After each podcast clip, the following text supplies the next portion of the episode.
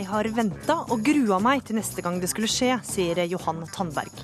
Denne uka ble han nok en gang ramma av et terrorangrep. Hva er grunnen til at vi takler motgang så ulikt? Møt to som takla det verst tenkelige svært forskjellig.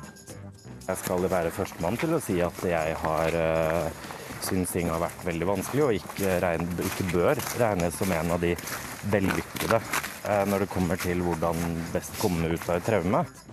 Familier som ikke har god dressur på krap krapylene sine, har ingenting på et fly å gjøre, mener blogger og journalist Lene Vikander. Vi må tåle å høre barn også på fly, svarer blogger Tine Monsen. Og gatemagasinselger Kate er lei av at kundene drar til fjells. I år følger hun etter. Men i hvert fall de som sitter i solvegger og sånne ting. Da kan jeg i hvert fall prøve å selge til de, ikke sant. Du hører på Ukeslutt i NRK P1 og P2. Jeg heter Gry Veiby. Vi starter denne sendinga med terroren i Brussel. What it was, a job or was it a terrorist? Ja, fullt kaos etter at de første bombene gikk av i avgangshallen i Brussel denne uka.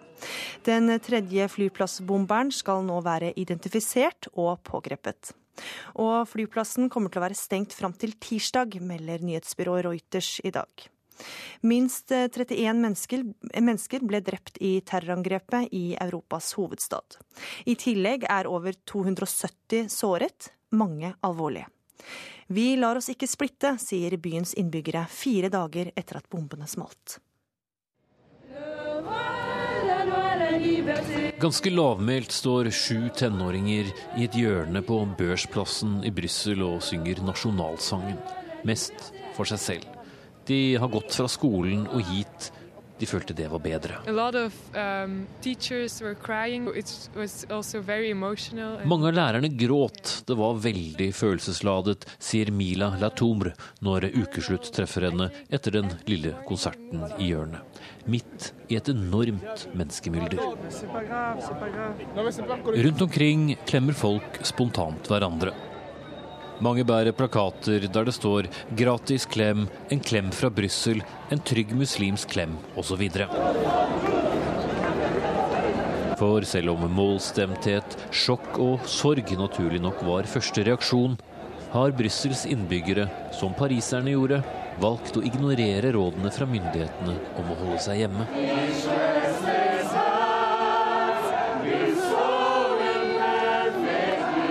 Det er til tider nesten som å være på en festival og gå mellom alle folkene som synger, alle folkene som klemmer, som drikker, eller som bare er der. En festival hvor oppvarmingsbandet var islamistiske terrorister som spredte bomber, spiker og død. I never, I, I never Bubba Bakar ser helt himmelfallen ut når jeg spør om han tror terrorangrepet kan splitte folk, om det vil øke mistenksomheten overfor muslimer. Jeg tenker aldri sånn, sier han og ser litt oppgitt ut over hele spørsmålet. En type reaksjon jeg får fra alle jeg snakker med på plassen. Hvorfor skulle det splitte, spør Gørlein Davenir tilbake. I think the, the men who, are, who did it, They are not really Muslim, they are just some crazy people. De er ikke muslimer, de var gærninger, sier hun. Og for ordens skyld, hun er ikke muslim selv, men har mange venner som er det.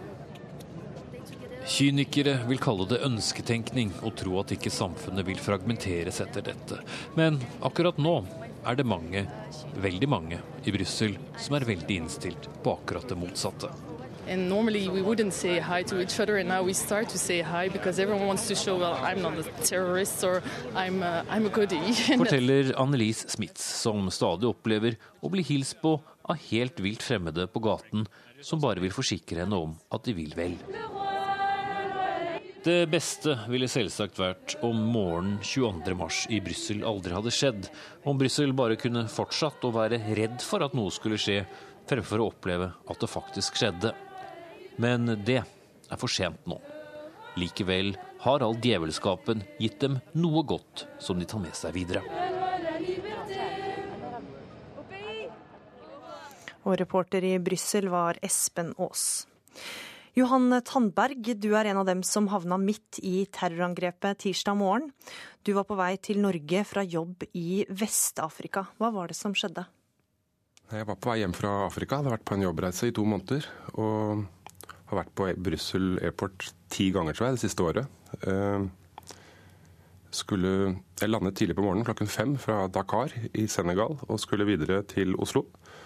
Jeg hadde lange timer å vente, så jeg satte meg ned for å rett og slett vente på neste fly. Gikk for å spise frokost, um, hvorpå jeg hørte det var noen som ropte 'bombe'. Og at det var noen som løp forferdelig fort. Um, da, jeg meg, da gikk jeg tilbake inn i restauranten og bakerst og sto bak i noen søyler der. For å vente på hva som skjedde videre. Så ble det litt stille igjen. Og så kom det et nytt rush av mennesker som kom løpende, og da ble jeg med de å løpe vekk, egentlig. Fra Eller sammen med alle de andre.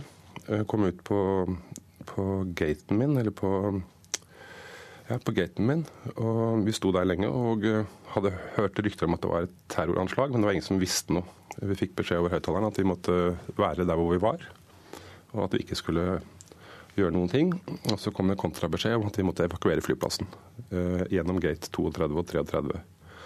Og da var det vel en, sikkert 1000 mennesker som forlot flyplassen ut på flystripa og gjemte seg der mellom, eller Vi sto der mellom noen fly. Og så ble vi geleidet videre ut av selve flyplassområdet. Um, hvor jeg møtte masse politibiler og militærkolonner og sykebiler og brannbiler. Og da skjønte jo egentlig alvoret alle sammen av hva som hadde foregått inne på flyplassen. Hva var det som foregikk inni deg når du skjønte at det var en bombe som hadde gått av? Nei, Jeg måtte bare passe på at jeg var Altså, jeg ville jo ikke stå der hvor alle andre sto. Uh, jeg skygget unna folkemasser, folkemasser og eh, tenkte at eh, nå har det kommet et nytt terroranslag. Det har jeg på en måte gruet meg til og tenkt på. Hver gang jeg reiser til Brussel Airport, så, så har jeg jo det i bakhodet at det er et, et sted hvor, hvor, slikt kan skje. Eh, jeg, vurderte, jeg prøvde først å få et tidligere fly hjem fra Afrika, men det var ikke mulig. Så når det ble som det ble, så tok jeg alvoret innover meg. og, og vurderte situasjonen egentlig fra minutt til minutt. Ehm, og var vel egentlig ikke overrasket over det som hadde skjedd, men eh, sjokkert, ja det var jeg. Og jeg var litt redd, og jeg ble, jeg ble engstelig for Europas framtid. Mm. Statistisk sett så er sjansen for å bli ramma av et terrorangrep svært liten. Men du har vært tett på to ganger. For 22.07 eh, var du en av de første ved regjeringskvartalet etter at eh, bomba der smalt. Og vi skal høre litt fra det. Nå er hele regjeringsbygget sprengt i filler her. Og mennesker ligger spredd rundt her. Bilen min er gått stykker. Dette er det verste jeg har sett. Dette er det verste jeg har sett. Og dette er da det du filma. Hva tenker du om at du nå har opplevd et terrorangrep for andre gang? Jeg tenker at eh, ja, jeg kaller det uflaks. Det er vel kanskje uflaks. Eh, nå tror jeg dessverre at dette er noe som flere kommer til å oppleve etter hvert. Eh, men at jeg var kanskje en av de første som får det så tett innpå meg to ganger på rad. Men jeg tenker på utviklingen, at dette er vel noe som dessverre blir mer dagligdags i, tiden framover. Og det skremmer meg. Det gjør det.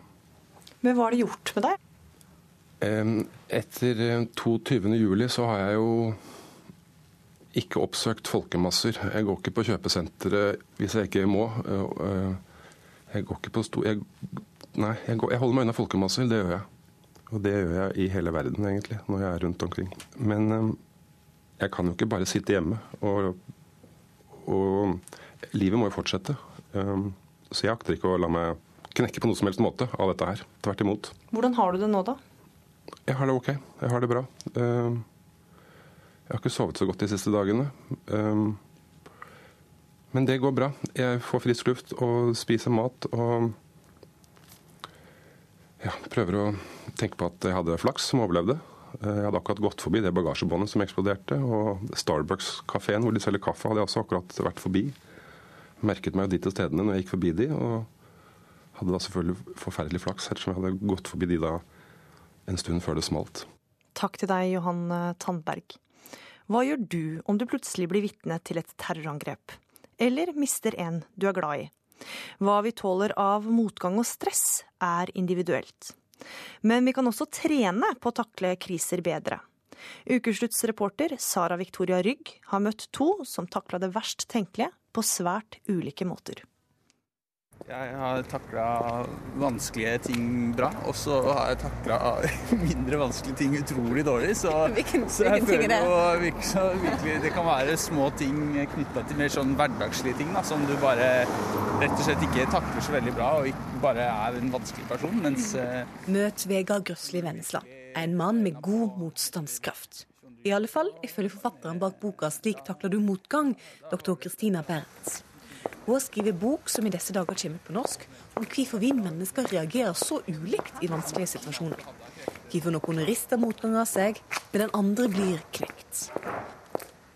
Vegard overlevde terroren på Utøya, og er i boka et dømme på en person som takler motgang bra.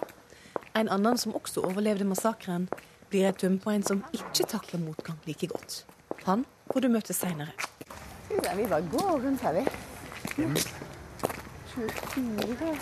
Vi er på vei for å møte forfatter Christina Bernt. Men vi har trøbbel med å finne fram. Nå blir vi testa i hvordan vi takler, hverdags... takler hverdagsstress.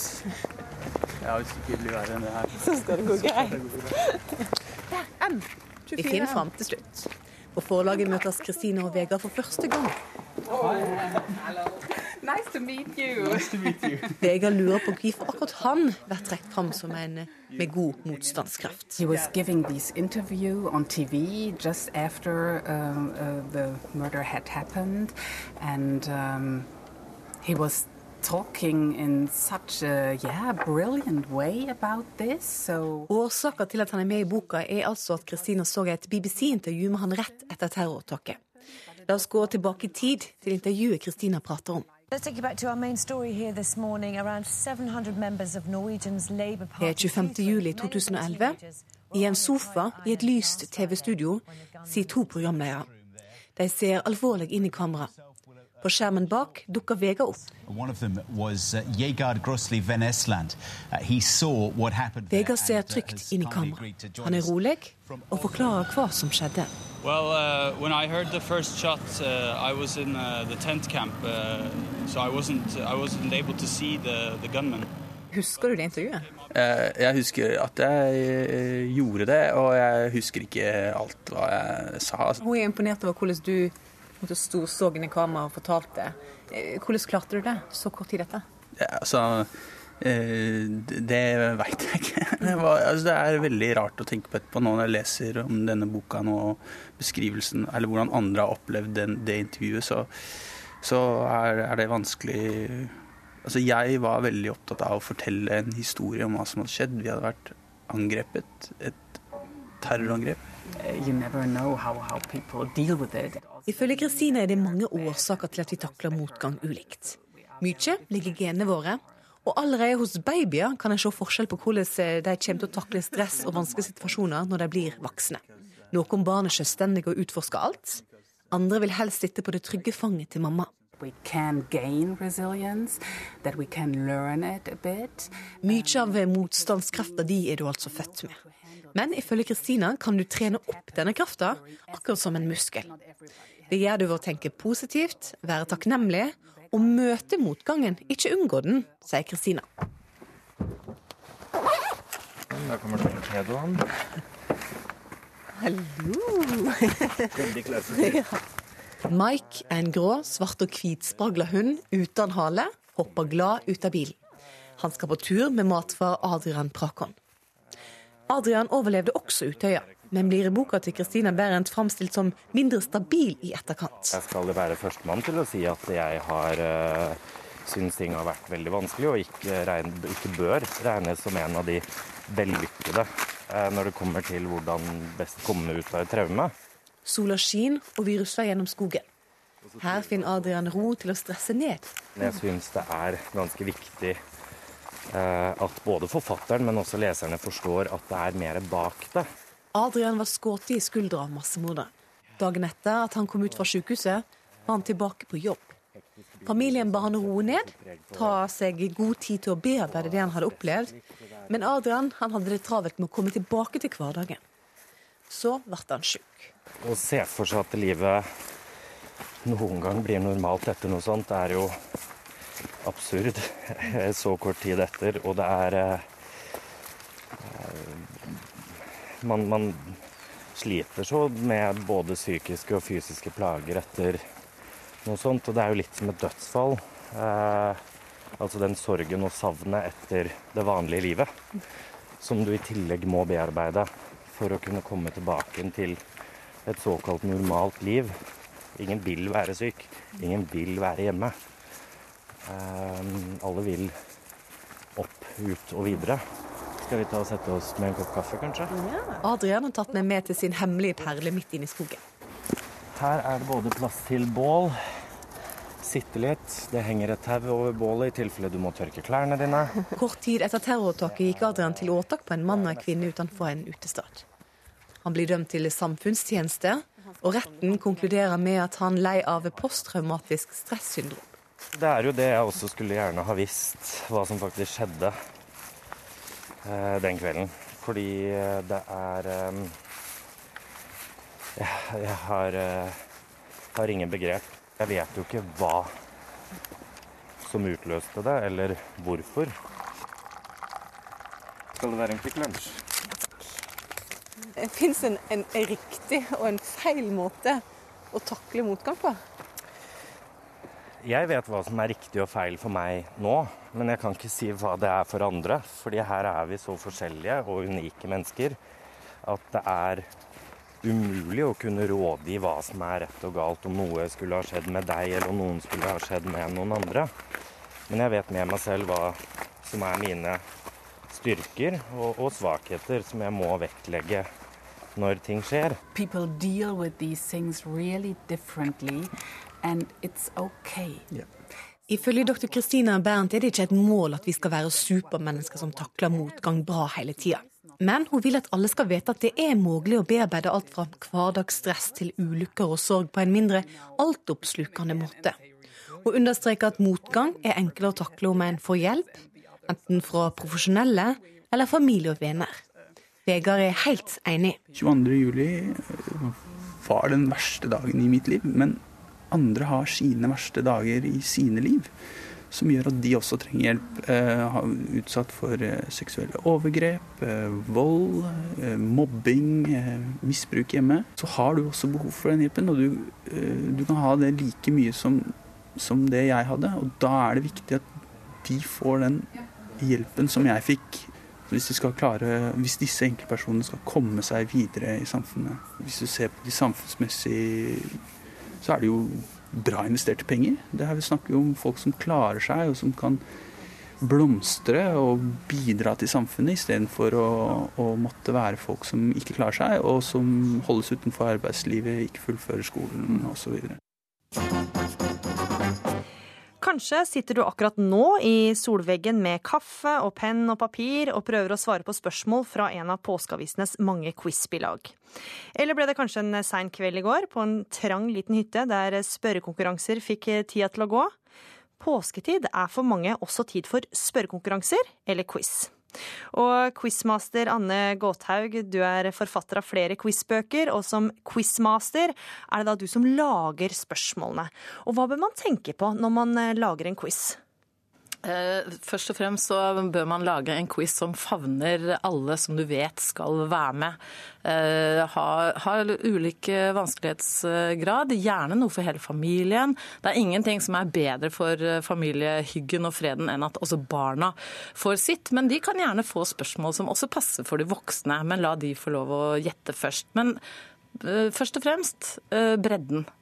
Og, eh, og, så er det jo ikke heller det, det er ikke bare bare å være quizmaster, det er ganske mange feller man kan gå i? er det ikke det? Veldig mange feller. Du må være nøyaktig. Ja. Så nøyaktig som overhodet mulig. Du må bestemme deg for, på forhånd hva slags uh, strenghetsnivå du skal legge deg på. Du må ikke, du må ikke liksom eh, du, du, må huske på at de som sitter på andre sida av bordet, de vil vinne. Og de vil vinne med alt de eier og har mm. av både integritet og etter hvert ikke fullt så mye integritet. Mangeårig filmkritiker i VG, Jon Jon Selås, du har skrevet Bibelquiz-boka, som også tar utgangspunkt i tidenes mest solgte bok, Bibelen. Og det er ikke lenge siden vi kunne lese at et flertall av nordmenn ikke tror på Gud. Hvordan vil de klare seg med en bibelquiz, tror du? Bedre enn de tror, faktisk. Ja. Mm. Denne boka er utgitt i forbindelse med at Bibelselskapet er 200 år i år. Og eh, faktum er at Bibelen er altså så innvevd i norsk begrepverden, i norsk språk, i, i norsk tenkning. Mye, mye mer enn noen faktisk tror. Og mye av poenget med denne boka er jo faktisk å få opp oppmerksomheten omkring akkurat det. Det er veldig mange som kan egentlig ganske mye, hvis iallfall sånn cirka. men det holder ikke i quiz, sånn cirka? Nei, nei, nei men uh, sier som min kollega her at en må jo se litt stort på det, da. Det, er, det gjelder jo ikke å være idiot. Mm. Det går jo da nærmest en quiz-bølge over landet. og Anne Gotthaug, hva er din forklaring på det? Jeg, jeg, tror det er mange grunner til det. Altså, jeg tror Den største grunnen er jo at uh, vi, liker, vi, liker, kunnskap. Uh, vi liker å vite ting. Vi liker å være sammen. Og Hvis vi da attpåtil kan liksom kombinere dette med å, å stille et quizlag f.eks., så er jo det helt uh, tipp topp. Du sitter rundt et bord, om det er på puben, om det er hjemme på hytta eller på arbeidsplassen, så kan man sitte, få spørsmål, resonnere seg fram til ting sammen og komme forhåpentligvis de rette svarene. Så jeg, jeg tror det er en sånn sånn, en sånn kombinasjon mellom kunnskap og sosial eh, greie. Mm. Jeg tror faktisk også det er et ganske stort element av nostalgi i det. Mm. Eh, fordi at vi lever jo i en tid da en kan slå opp allting og google alt, allting. Men altså, det er jo ikke dermed sagt at selv om folk vet ting i detalj, så er det ikke sikkert de har spesielt mye kunnskap om det eller visdom om det, om det og kan anvende det. Så det er dette med hva du har i hodet, mm. som var veldig mye viktigere før det har fått en litt sånn eh, nostalgisk renessanse, tror jeg. Og det skaper litt nye utfordringer, det du sa med googling. For det er vel noen regler som da må overholdes i en eh, quiz? Ja, altså mobiltelefoner og smarttelefoner legges igjen. Og hvis det er noe snakk om mistanke her, så samler vi inn. og det er jo sånn at det er bare én, Egentlig så er det bare én regel i quiz, og det er at det er ikke lov å jukse. Det er virkelig mm. ikke lov å jukse. Før kunne man kanskje ta med seg Tolbins leksikon og hjemme på do på puben og gå ut og prøve å bla opp der. Eh, nå er det veldig veldig lett å drive og google og sjasamme og gjøre alle de tingene der, men det er virkelig ikke ålreit. Og det er sånn hver gang jeg har en quiz, så pleier jeg å si at uh, å jukse i quiz er omtrent uh, like patetisk som å jukse i kabal. Og det får ikke dere mulighet til, for nå er det klart for ukeslutts quiz.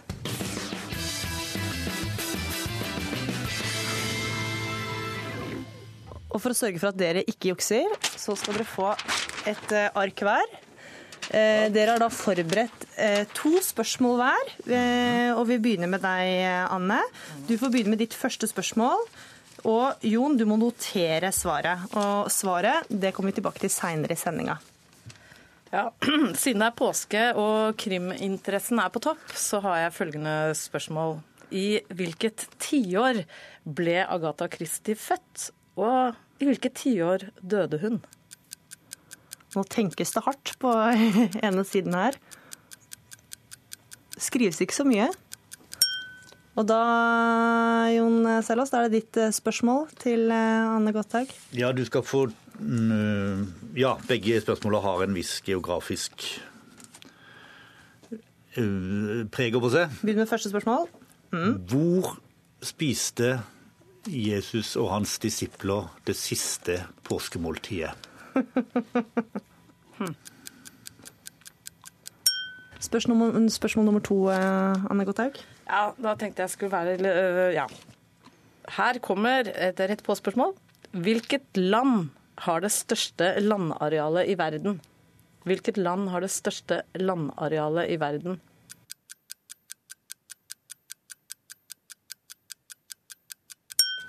Spørsmål nummer to fra deg. Ja. ja. Hva het stedet der Jesus ble henrettet? Hva het Jesu rettersted? Og da er det bare å følge med, for svaret får du seinere i sendinga. Du hører på Ukeslutt, og det må du fortsette med også den neste halvtimen. De nye fjellvettreglene er skrevet av folk som prøver å være kule og toppturtrendy, mener friluftsentusiast som etterlyser klarere retningslinjer mot skred. Det er lov å bruke huet, svarer Turistforeningen. Og hvor ble egentlig Jesus korsfesta? Få svar på Ukeslutts påskequiz om litt. Da skal vi ut og fly.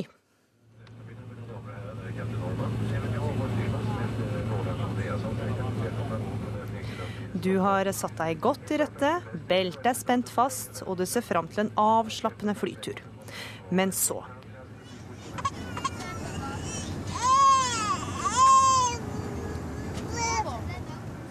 Hvor mye skal man tolerere av barn som bråker på fly, og er det greit å si fra? Tine Monsen, du er eh, blogger og mamma, og du skrev nylig om en flytur der du ble bedt om å dempe sønnen din på tre år, og du ble sjokkert over kommentarene du fikk på innlegget. Hva var det folk skrev? Jo, eh, jeg ble ganske sjokkert, fordi at det jeg beskrev i blogginnlegget, var en ti timers flytur der han lo høyt én gang. Og ellers så kunne ikke man høre at det var et barn der. Eh, og det fikk jeg tilsnakk for, og da fikk jeg beskjed om å vennligst dempe barnet mitt. Og det syns jo jeg var litt spesielt, da. Og så skrev du blogginnlegg, og reaksjonene ja. på at du hadde fått beskjed om å dempe barnet ditt, mm. hva slags reaksjoner var det? Nei, det var veldig mange sterke reaksjoner. Det var 'hold drittungene i bånd og kast dem over bord', aller helst. Det, var, det kom fram utrolig mye sterke meninger som jeg faktisk ikke var klar over at så mange hadde. Blogger og journalist Lene Vikander, eh, du vil kanskje ikke gå like langt som de som skrev på bloggen til Tine Monsen. Men du er heller ikke så glad i barn på fly, og skulle helst sett at det fantes barnefly fri. Hvorfor det? Jo, for det er jo terror med bråkete og ukontrollerbare barn om bord på fly. Og jeg, jeg, tror fordi at er en, man er jo i en ekstrem situasjon. Og det å fly er jo en disiplinær handling, først og fremst. Og det krever jo en del dressur, da. Ikke sant? Man sitter jo inni en sånn liten sardinboks og tett i tett, og det er jo frustrerende både med voksne og barn. Men, men, men, barnefrie fly tenker jeg først og fremst er en god sånn der markedsidé for noen av flyselskapene. At de kan tilby langdistanseflighter uten barn, da. Jeg tror nok det ville fått opp uh, salget. Hva er din erfaring med barnefamilier på flytur da, Lene Vikander? Ja, jeg, jo, jeg, jeg, skjønner at hun blir litt sånn reagerer fordi at det er ganske krasse ord i de kommentarene. Men det er jo veldig sånn norsk, da. fordi at uh, vi sier jo altfor lite fra. Så man sitter liksom sånn og er ekstremt passiv-aggressiv om bord på flyet og himler så mye med øynene at de nesten ruller bak i hodet. I håp om at liksom foreldrene til disse barna skal da sånn mystisk få med seg at dette er plagsomt. I stedet for da bare bøye seg frem og si til krapylet da Unnskyld meg, men nå er vi om bord på et fly, og da er vi mange her, og vi må ta hensyn, og jeg får veldig vondt i hodet når du skriker sånn. Jeg har jo bodd i utlandet i, i mange år, Jamaica, og der er det jo helt omvendt. Der reagerer jo folk hvis du ikke sier fra til barna deres. Ja, Tine Monsen, Er det greit å si fra til barnet og foreldrene at nå må barnet dempe seg litt? Eh, det kommer jo veldig an på situasjonen, da. Eh, I mitt tilfelle syns jeg det overhodet ikke var greit. Men eh, jeg tror altså her i Norge, i hvert fall, så er det Du jo ikke Du sier jo ikke fra til sidemannen hvis sidemannen din snorker eller på en måte lener seg litt for langt over brettet ditt når du skal spise. Sånn at um, jeg syns ikke nødvendigvis at det skal være så greit og så lett da, å si fra til barn og foreldre til barn. Men det mener jeg jo ikke riktig. Selvfølgelig sier man fra til sidemannen. Og man skal jo være klar over at når voksne oppfører seg som en sånn toddler på tre år, som er en sånn liten, full minivoksen, ikke sant, så blir de jo til og med satt i arrest. Ikke sant? Hvis en voksen raver rundt i gangen og hoier inn i ørene på folk, så vil da uh, mannskapet ta hånd om vedkommende og ringe bakken. ikke sant? Og kanskje til og med nødlande for å få ham om bord i en politibil. Så det er jo noe med at uh, det er jo ikke riktig at man ikke sier fra til voksne. Vi må jo ta hensyn til hverandre, tenker jeg.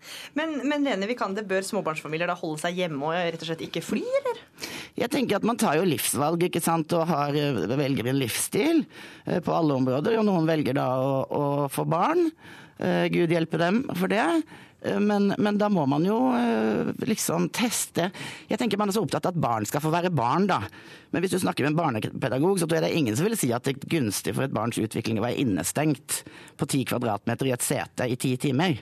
Veldig hyppig. Og, og, det er jo sånn at, som jeg sa i sted, at det er en øvelse i disiplin å fly. Og da må man jo sjekke om ungen kan faktisk hanskes med noe sånt. Også av hensyn til seg selv. Det må jo være forferdelig å være forelder med et sånt lite tyrannisk eh, bøllefrø ved siden av seg i ti-tolv timer, liksom. Ja, Tine Monsen, Hvor mye hensyn bør man ta til barnefamilier på flytur? Altså Bør man eh, være litt ekstra skånsom overfor dem?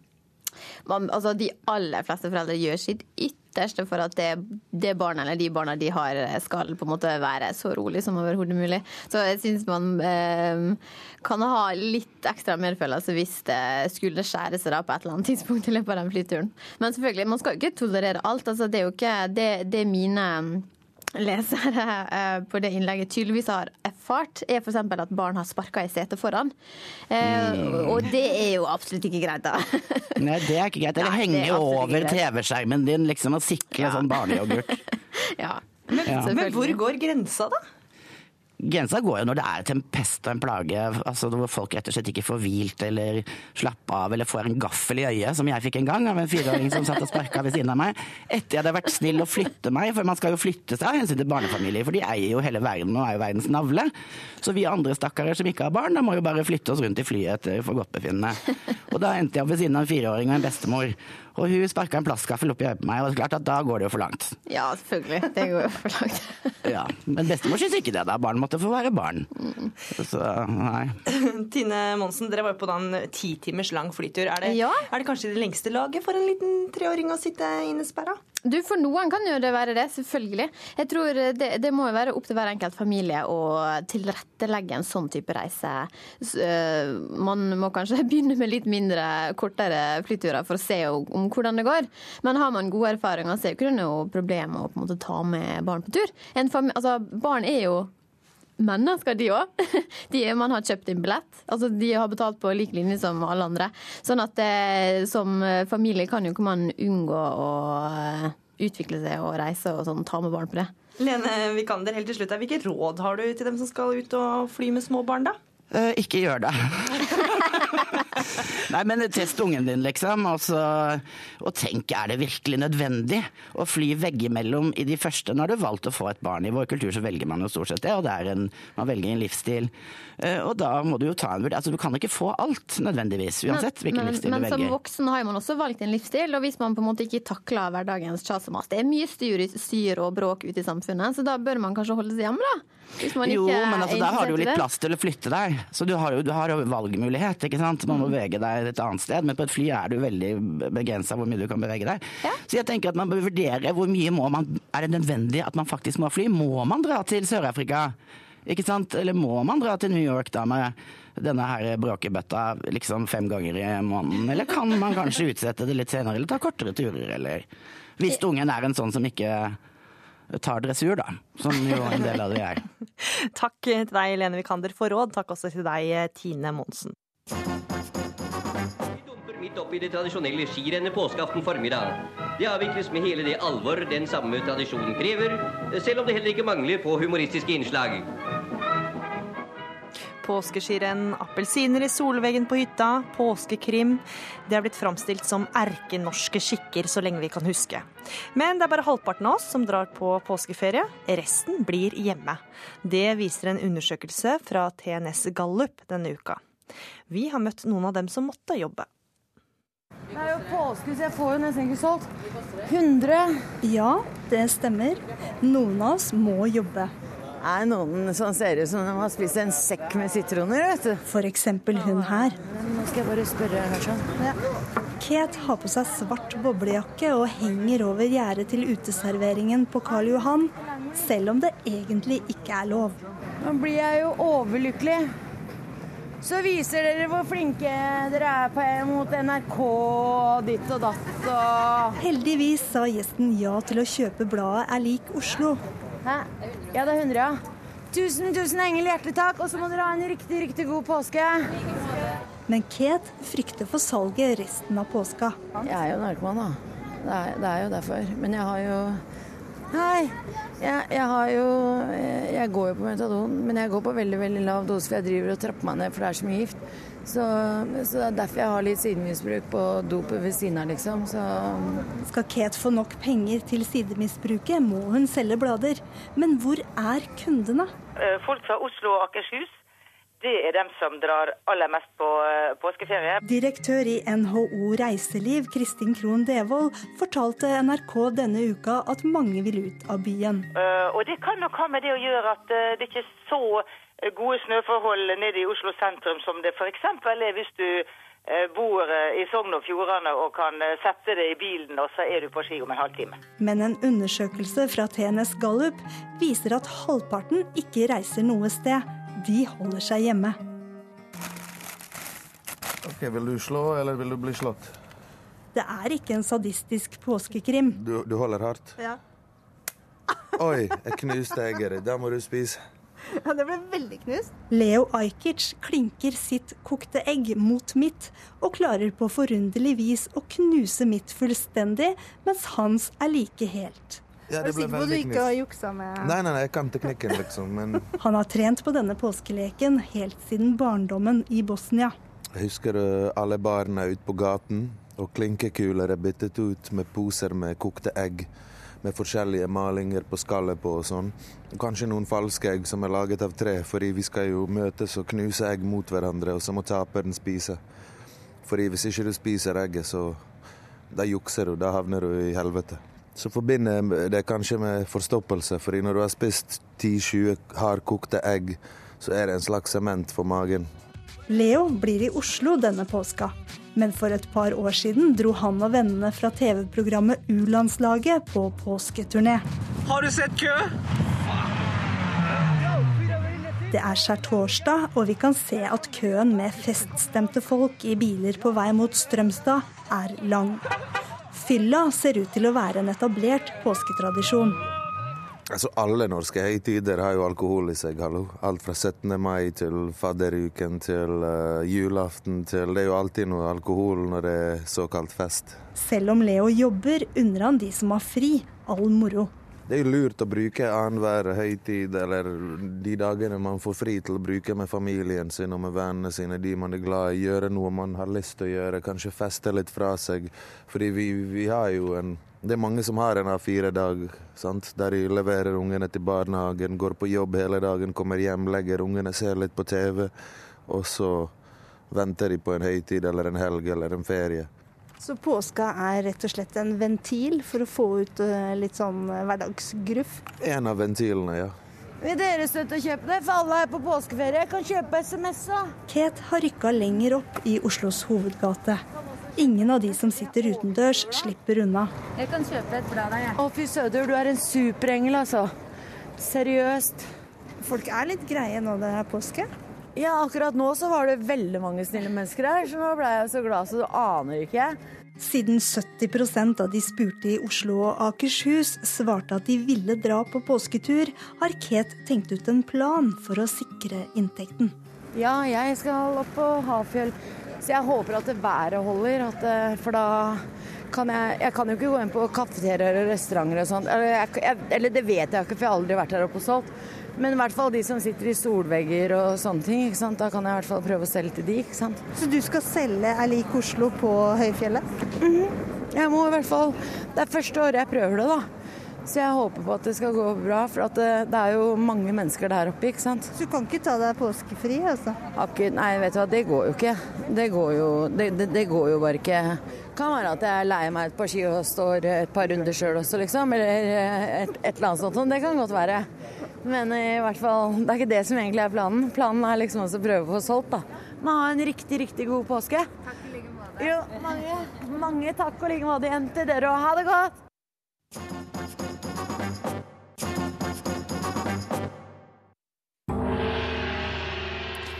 Da er tida ute. Tidligere i sendinga fikk du høre at quizmaster Anne Gåthaug og quizforfatter Jon Selås stiller hverandre til veggs. Og nå er skjebnens time kommet. Anne, først, hva var ditt første spørsmål? Mitt første spørsmål det var eh, i hvilket tiår Agatha Christie ble født, og i hvilket tiår hun døde. Og Jon Selås, hva har du svart? Jeg vet det virkelig ikke, men jeg tar sjansen på 1890 og 1960. Og hva svarer han? Det var veldig veldig bra, fordi at egentlig så skulle jeg stilt deg et ettpoengspørsmål, så ville du fått rett, fordi at hun ble født i 1890, og det var året. Mens eh, hun døde, hun ble veldig gammel, denne damen, hun døde i 1976. Men du får det første poenget, så du har faktisk rett, altså. Da, Jon Sellas, hva var ditt første spørsmål? Vi får vel kanskje regne med den perioden, mystiske perioden da hun var forsvunnet fra jordens overflate, så å si. Hvor spiste Jesus det siste måltidet på skjærtorsdag med sine disipler? Ja, det, var et, det må jeg bare si. Jeg må bare Ja, det var et veldig, veldig godt spørsmål. Uh, som jeg ikke har peiling på hva svaret er. Jeg ser jo for meg alle disse maleriene og Jeg skulle så gjerne ha visst det, men det vet jeg faktisk ikke. Så du svarte blankt? Jeg svarte blankt. Men hva var svaret? Svaret er Getsemane. Å, Getsemane, ja. Nettopp. Takk. Det skal jeg aldri glemme. og så var det ditt andre spørsmål, Anne Gotthaug. Mitt andre spørsmål var uh, hvilket land har det største landarealet i verden? Jeg svarer, jeg svarer, Russland. Jeg ble plutselig i tvil om det kunne være Australia, men jeg tror det er Russland. Ja, men hold på den første, og det var helt riktig. Det er Russland. Veldig bra. Ja. Da var mitt spørsmål hvor ble Jesus henrettet? Jeg, det første som eh, slo meg, det var Golgata. Men jeg er liksom usikker på om det var en høyde der som het noe annet. Men eh, jeg svarer Golgata. Det er riktig. Yes! Og da er vel faktisk stillingen 1 eh? Nei, 2-1. Ja, halvannen. Halvannen. Ett og et halvt, én. Ja. Så bra. Tusen takk. Tusen hjertelig. Bare hyggelig, bare hyggelig. Etter 60 år er fjellvettreglene bytta ut og modernisert. Men det kan virke som de nye reglene ikke har satt seg helt. Er det nye fjellvettregler? Nei, det kan jeg ikke. Nei, kan jeg ikke. Planlegg turen og si fra hvor du går. Husker du noen av de gamle? Nei. Ingen skam å snu. Ingen skam å snu? Ja, det er vel ingen skam å snu. Snu i tide. Snødekte vidder og sol i ansiktet. Men vær obs! Røde Kors minner om at det skiftende været de neste dagene fører til økt skredfare. Og i dag tidlig ble skredfaren økt til, til grad tre, som betyr betydelig skredfare i Nordland, Troms og deler av Finnmark. Og det er nettopp faren for skred som gjør at eh, de nye fjellvettreglene ikke strekker til. Det mener du, André Horgen. Du er førstelektor i friluftslivsfag ved Høgskolen i Sørøst-Norge, og er med på telefon fra påskefjellet. Og i en kronikk i magasinet Ute skriver du at reglene ikke tar høyde for elefanten i rommet. Ja, altså, Det jeg tenkte når jeg så løsregler, var at dette var, dette var vel og bra. Men uh, samtidig så leste jeg Fjell og vidde at uh, gruppen bak uh, reglene ikke ville advare folk mot å kjøre bratt. Og det fikk meg til å stusse litt. For det tenker jeg må være elefanten i rommet. Altså, Vi har fått en, en trend hvor folk kjører brattere gjennom store deler av vinteren. noe som er litt forandring fra, fra hva vi tidligere har gjort. Og vi ser at eh, nesten alle skredulykkene de eh, er utløst av eh, folk som selv har kjørt bratt, brattere enn 30 grader. Du skriver også at Turistforeninga prøver å være kul og topptrendy med de nye fjellvettreglene. Hva mener du med det? Ja, altså Jeg tenker at um, det kan virke sånn at, uh, at uh, ikke bare Turistforeningen, men også de andre organisasjonene som står, står bak fjellvettreglene, um, ønsker å holdt på å si, fortsatt være og vise at de er aktuelle for, eh, for eh, å, å, ta med det nye og det moderne.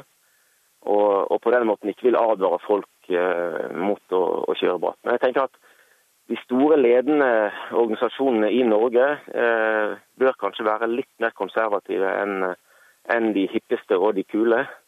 Eh, og kanskje peke på realitetene og si at, at det å kjøre bratt på lagdelt vintersnø, det medfører eh, veldig stor risiko og livsfare.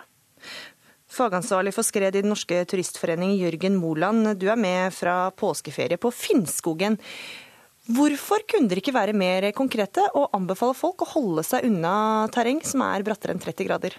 Det er flere grunner til det.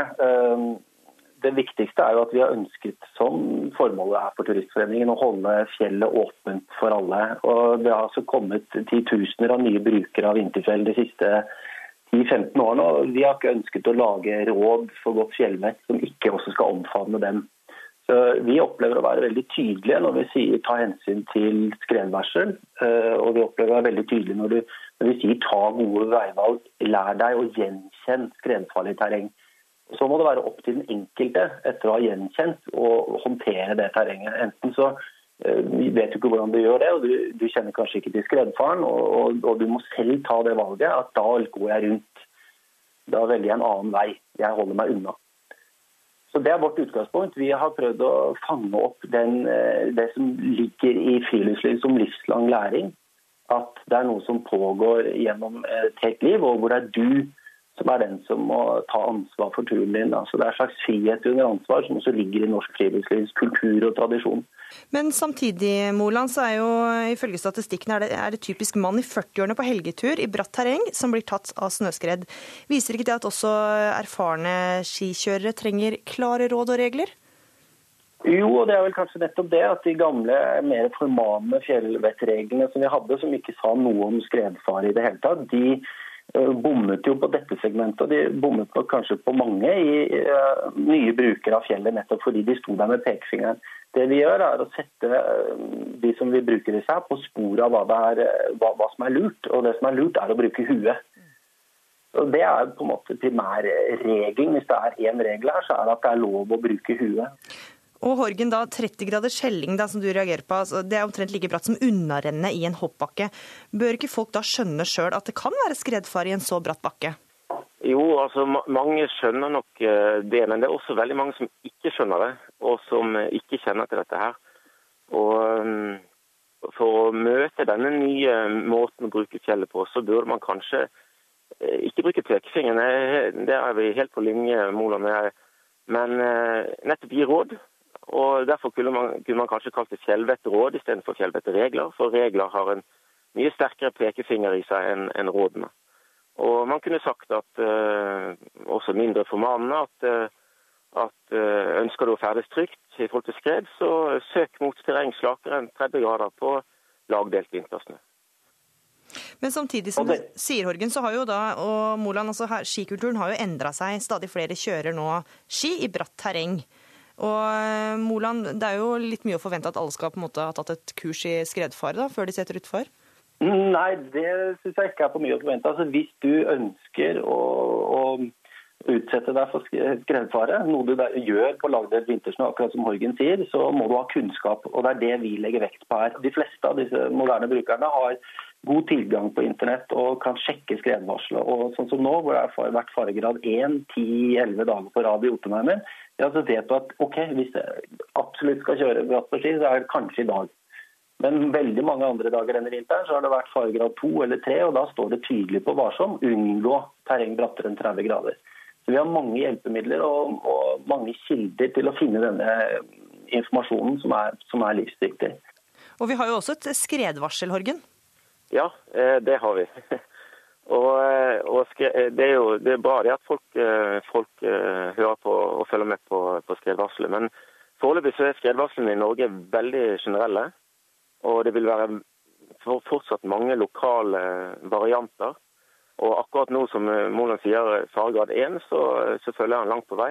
Men store deler av vinteren så er det faregrad 2 og 3. Det er nesten hoved, hovedvarselet gjennom, gjennom hele vinteren. Men, men da vil jo konsekvensen bli at folk ikke kan eh, legge ut på toppturer da, om vinteren? Jo, jo, da, det er masse topper og mange veivalg man kan gjøre på, på veldig mange topper i, i Norge som, eh, hvor man unngår, eh, unngår terrengbrater enn 30 grader. Men, så, det, så det er ikke noe problem. Vi har nok av terreng å ta av. Her er jo Horgen og jeg veldig enige. så da vil jeg gjerne ha med Horgen på at veldig mange fjelltopper også har områder, fjellsider som har brattere enn 30 grader, men ved å ta gode værvalg så kan du unngå å eksponere deg for særlig skredfare. Det er den kunnskapen vi vil eh, få folk til å mm, skaffe seg. Eh, og at Istedenfor at de skal sitte inne eller bli værende i lavlandet pga. skredfare, så må de utvikle evnen eller eh, evnen til å ta, de gode valgene, sånn at de heller velger en tur med, med litt enklere terreng på dager med med, med høy skredfare. Helt kort til slutt, eh, Moland. Det er jo fortsatt mange som er på påskefjellet. Hvilke råd har du da for å gjenkjenne et skredterreng? Det er, altså Når det er brattere enn 30 grader, så kan det, der kan det løsne skred. Eh, det er vi enige om. Så eh, helt enkelt, hold deg unna det bratte. Også hvis du går tre ganger høyden på det henget på utsiden, så, så er du helt sikker. Det er vel et råd du kan underskrive på, Horgen? Ja da, den vil jeg være med på. Takk for at dere var med, og ha en fortsatt god påskeferie. Og været har mye å si for eh, snøskredfaren, og hva passer vel ikke bedre da enn et værvarsel? Statsmeteorolog Kristian Gislefoss? Det passer veldig godt nå, og det blir noen dager nå med mye vind i Sør-Norge. Både på Vestlandet og i fjellet så kan det blåse sølv liten storm på de mest utsatte stedene. Og det vil gi vanskelige kjøreforhold på fjellovergangene fra nå i kveld og et godt stykke ut på søndagen. I morgen så er det også venta stiv kuling på Sør- og Østlandet, mest vind på kysten. Og vi får regn fra vest, eh, etter hvert også litt regn på Sørlandet i dag. Eh, og dette vil bevege seg videre østover i løpet av natten og komme innover Østlandet og lettere vær i morgen eh, utover dagen. I fjellet vil nedbøren komme som snø. Trøndelag her slipper man mest sannsynlig unna nedbøren, men det vil blåse opp i en sørøstlig liten storm. Ser vi på Nord-Norge, sørlig liten til stiv kuling, litt sol i Troms nå i dag, ellers for det meste skya i Nordland. Her kan det nok regne litt både i dag og i morgen. Utover natta kommer også nedbøren til Troms, men han går ikke videre nordover. For Finnmark her blir det oppholdsvær både i dag og i morgen. Spitsbergen, her blir det mye pent vær, og kan nok være litt mer skyer i morgen. Mulighet for litt snø av og til. Vinden den kom fra nordøst, og det vil blåse liten kuling utsatte steder. Ukeslutt er slutt. Ansvarlig for sendinga, det var Åsa Vartdal. Teknisk ansvarlig var Lisbeth Sellereite. Og her i studio var Gry Veiby, som ønsker alle fortsatt en god påske.